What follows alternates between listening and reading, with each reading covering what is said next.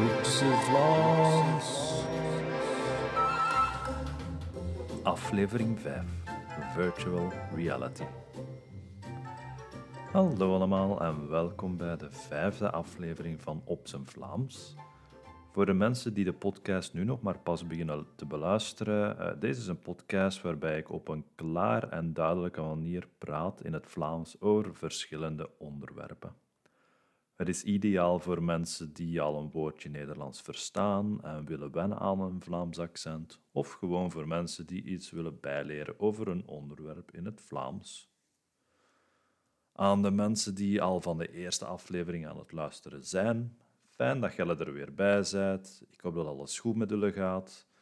We zitten nog altijd in de lockdown hier in België. De gevallen van COVID-19 gaan voorlopig nog altijd naar beneden. Laten we hopen dat dat zo blijft, want met de komende feestdagen zou het wel eens kunnen zijn dat de cijfers terug de hoogte ingaan.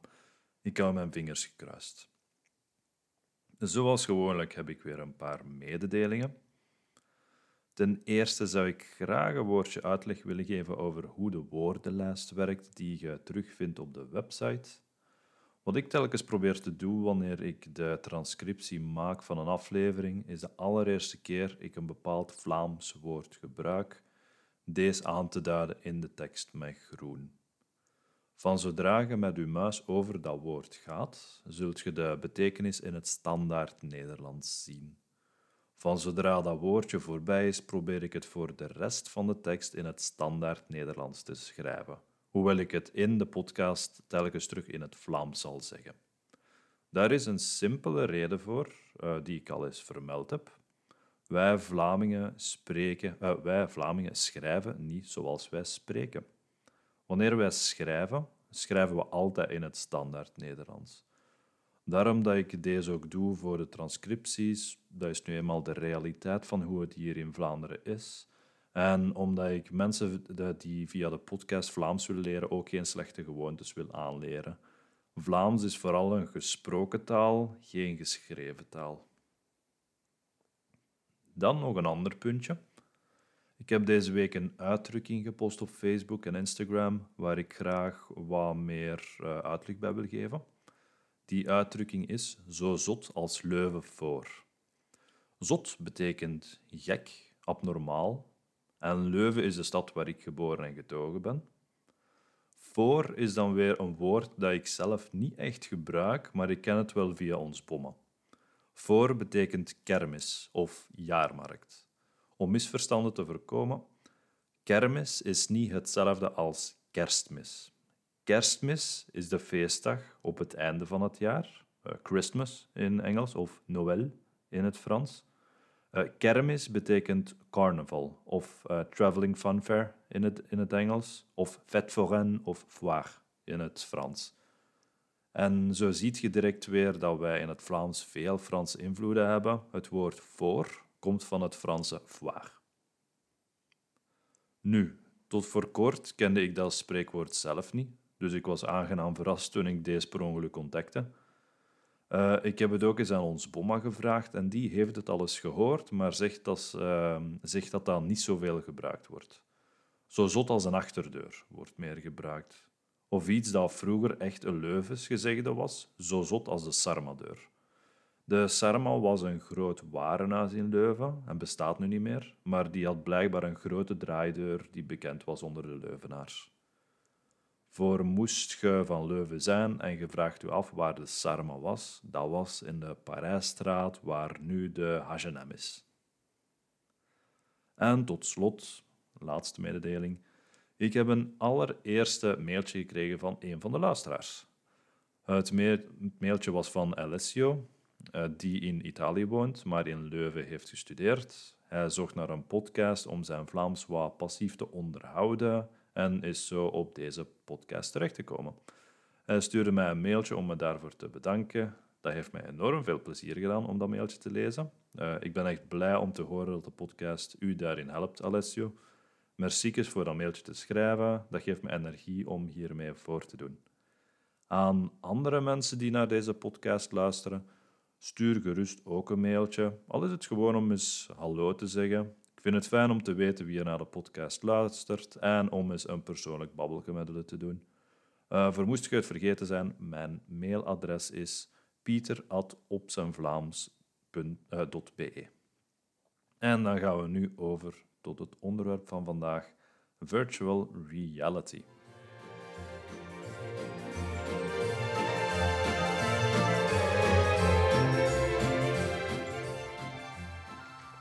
Zoals je misschien gemerkt hebt, ik zeg virtual reality en niet virtuele werkelijkheid, zoals dat in het Nederlands zou zijn.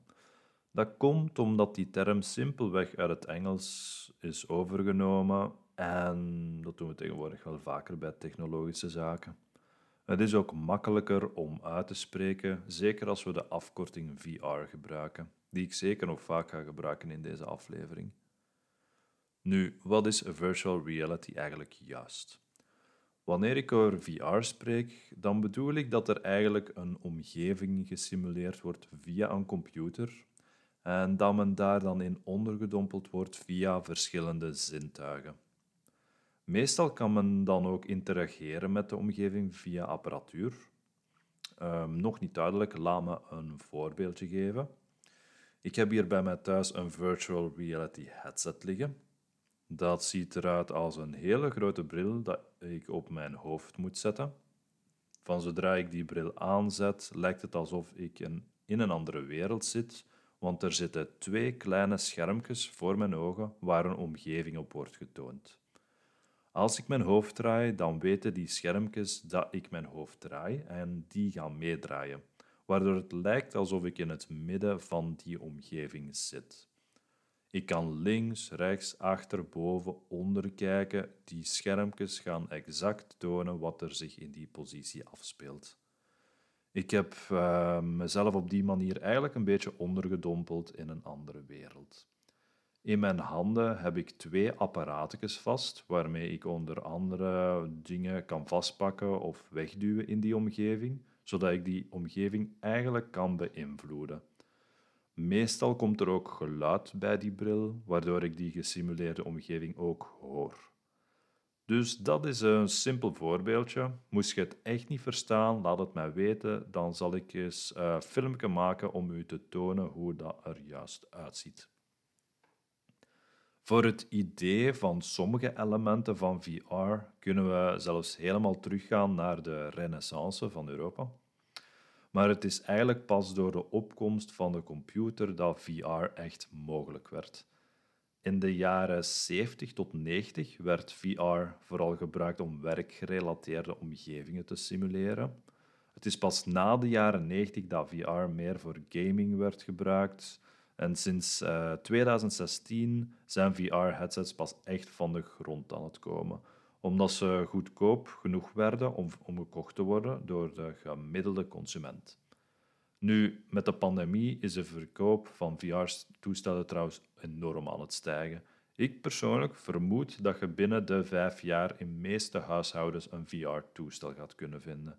En dat het even normaal zal worden als het hebben van een smartphone. Zeker als de prijzen van de headsets in de komende jaren nog blijven dalen. Zoals ik al zei, ik heb een VR-headset. Ik heb die ongeveer een jaar en ik ben enorm blij dat ik die gekocht heb. Zeker nu dat we met de pandemie veel binnen moeten zitten. Als je een VR-headset wilt aankopen, dan kan ik de Oculus Quest aanraden. Ik doe meestal redelijk wat research vooraleer ik iets aankoop. En bij het zoeken naar de ideale headset was dat ook zo.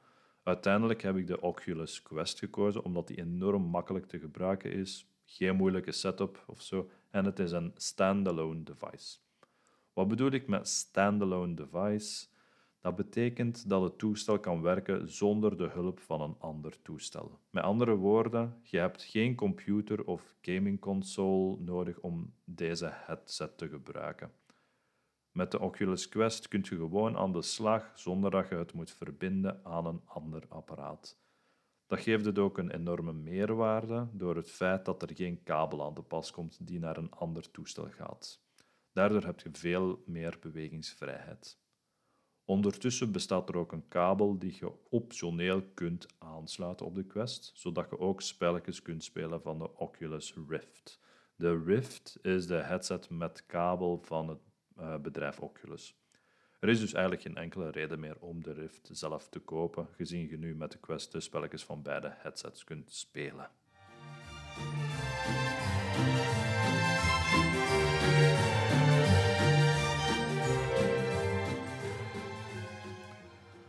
Waarom zou ik in hemelsnaam een VR-headset aankopen, vraagt je u nu misschien af. Daar zijn verschillende goede redenen voor. Eerst en vooral, het houdt u in beweging, aangezien er vele applicaties bestaan die een sport nabootsen of zelfs een nieuwe sport creëren. Zo kunt je boksen, tennissen, zwaardvechten, schieten enzovoort. Uh, ik heb er ondertussen verschillende geprobeerd en ik kan u zeggen dat de eerste dagen uh, ik een nieuwe applicatie probeer, ik het meestal in mijn spieren voel de dagen daarna. Ik heb het gevoel dat ik nu veel fitter ben dan voordien. Een VR-headset maakt het gewoon enorm makkelijk om te sporten. Je moet het gewoon op je hoofd zetten en voilà, je kunt beginnen. Veel makkelijker dan heel die afstand naar bijvoorbeeld een fitnessclub af te leggen. Het is ook gemakkelijker om gemotiveerd te blijven, aangezien het meestal in de vorm van een spelletje is. Daarnaast heb je ook applicaties die je eerder mentaal fit houden. Je, uh, je, moet dan puzzels of raadsels oplossen of de uitgang van een kamer vinden. Het laat je schoen nadenken, wat goed is voor je, voor je brein natuurlijk. Wat ik geweldig vind aan VR op deze gebied, is dat je hier heel origineel in kunt zijn en mensen in situaties kunt zetten die eigenlijk onmogelijk zouden zijn in het echte leven. Bijvoorbeeld een bom op tijd ontmantelen. Perfect te doen in VR, maar in het echte leven zou ik dat toch niet aanraden. VR wordt, uh, wordt trouwens ook gebruikt voor vele praktische dingen. Er zijn veel sectoren die er gebruik van maken. Piloten leren bijvoorbeeld eerst vliegen in VR, vooraleer ze met een echt vliegtuig gaan vliegen. In de medische sector wordt VR nu ook voor tal van trainingen gebruikt, het wordt nu zelfs gebruikt om mensen te helpen van bepaalde angsten af te geraken. Bang van hoogtes of spinnen? Leer er op uw eigen tempo in VR mee omgaan. Wat ook geweldig is aan VR, is dat je dingen kunt ervaren die je onmogelijk zou kunnen ervaren in de echte wereld. Je kunt er super creatief in zijn en van alle dingen meemaken die je altijd al wou doen. Als Spider-Man van gebouw naar gebouw slingeren, perfect mogelijk. Als een ninja salto's maken en tegen muren lopen, waarom niet? Vliegen met een jetpack, tuurlijk. De mogelijkheden in de VR-wereld zijn eindeloos en de ervaringen daarin zullen alleen maar realistischer worden met technologische vooruitgang. Het sociaal contact binnen de VR-wereld is natuurlijk ook een belangrijke factor. Je ziet nu meer en meer applicaties daarop inspelen en ik vind dat een goed idee. Een spelletje spelen is meestal leuker wanneer je het ook kunt spelen met je vrienden. Of bijvoorbeeld samen een film kijken, naar een concert gaan of een plaats bezoeken. Allemaal perfect mogelijk terwijl je toch allebei in je woonkamer blijft. Tot slot zijn er ook een paar ecologische redenen om met VR te beginnen. Zoals ik al zei, je kunt perfect dingen doen met anderen terwijl je in je woonkamer blijft. Stel u voor dat we op deze manier kunnen werken en vergaderen met anderen. Hoeveel vliegtuigreizen zouden hier wel niet mee uitgespaard kunnen worden en dus minder CO2 de lucht insturen? Bepaalde natuurlijke gebieden die nu bedreigd worden door toerisme zouden kunnen beschermd worden doordat ze alleen virtueel bezocht kunnen worden. Trieste dieren die in veel te kleine kooien in gevangenschap worden gehouden, zouden ook verleden tijd kunnen worden. Je zou ze gewoon kunnen bekijken en zelfs mee interageren in een virtuele wereld, veilig voor zowel mens als dier. Zijn er ook nadelen aan verbonden? Goh, sommige mensen vrezen ervoor dat het wel eens zeer verslavend zou kunnen werken en dat mensen dan constant met hun VR-headset zouden bezig zijn, net zoals nu het geval is met smartphones of televisie. Ik ga daar ergens wel mee akkoord, want het is wel degelijk verslavend, zoals ik zelf al gemerkt heb. Langs de andere kant, als mensen zouden overschakelen van een smartphone of televisie op een VR-headset om mee bezig te zijn, dan zie ik dat als iets positiefs. Gewoon alleen al om het feit dat je met een VR-headset enorm veel actiever bent dan wanneer je op je, smart, op je smartphone zit of televisie kijkt. Je bent voor de meeste applicaties in beweging en dat maakt het een pak gezonder dan wanneer je gewoon zit en passief bent. Daarnaast heb ik het argument gehoord dat er, net zoals de smartphone, materialen worden gebruikt om de toestellen te maken die vervuilend zijn voor het milieu. Dat kan, dat kan ook kloppen. Nu, ik merk dat meer en meer high-tech bedrijven zich bewust worden hiervan en dus overschakelen naar meer duurzame materialen. Ik vermoed dat dat ook aan het gebeuren is bij VR-toestellen. Dan is er ook nog het grote verschil tussen een smartphone en een VR-toestel. Een smartphone is gemaakt zodat je na een paar jaar terug een nieuwe moet kopen. Dat is niet het geval bij een VR-headset, toch niet in theorie. Een VR-headset is normaal gezien gemaakt om lang mee te gaan. Dus dat, dat betekent minder materiaalgebruik. Alles bij elkaar denk ik dat virtual reality over het algemeen een veel grotere positieve impact gaat hebben op onze wereld dan een negatieve.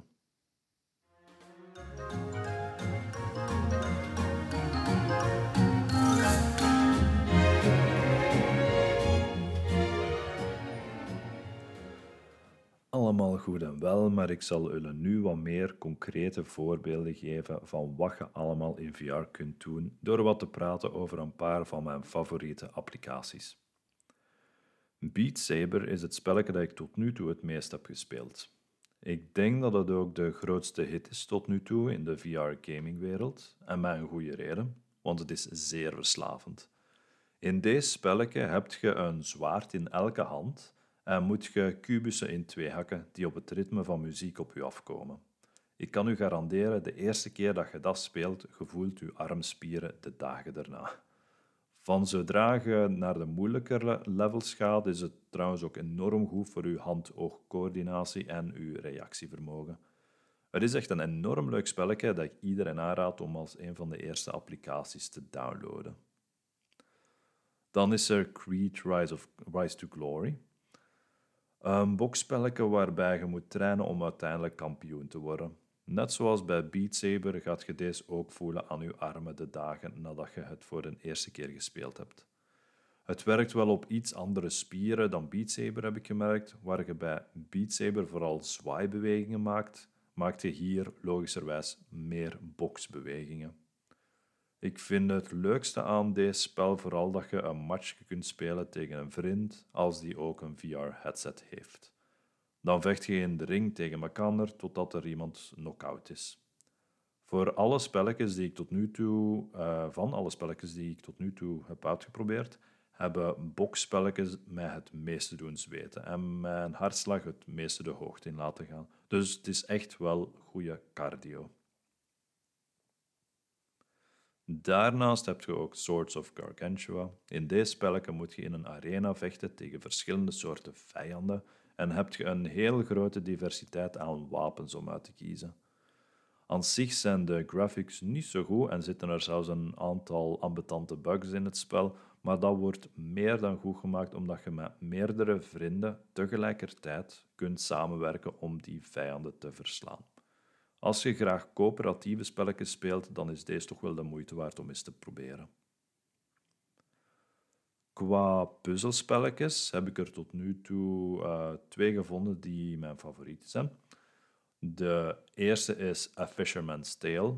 Hierbij moet je raadsels oplossen als een marionet van een visser.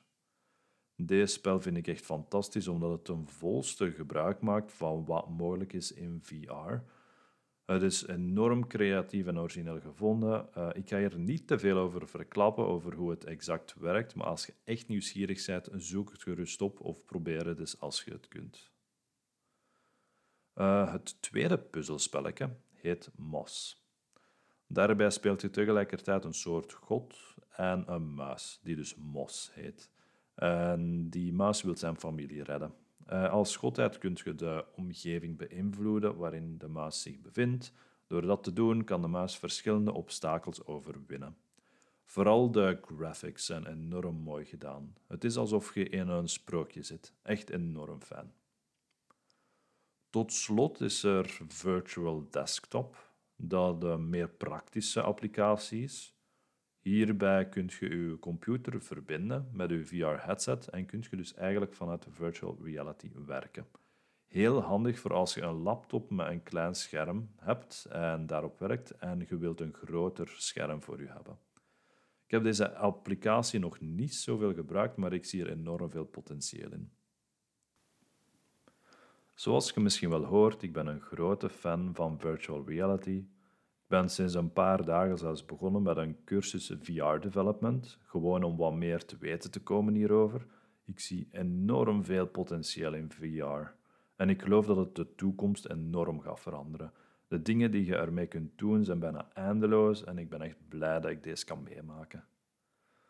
Alleszins, het zit er weer op voor deze aflevering. Ik hoop dat je ervan genoten hebt. Moest je vragen hebben over virtual reality, laat het gerust weten. Ik antwoord die met plezier. Laat het ook weten als je besluit van een VR-headset te kopen en welke applicaties uw favorieten zijn. Alleszins, fijn dat je erbij waart. Houd jullie goed en tot de volgende.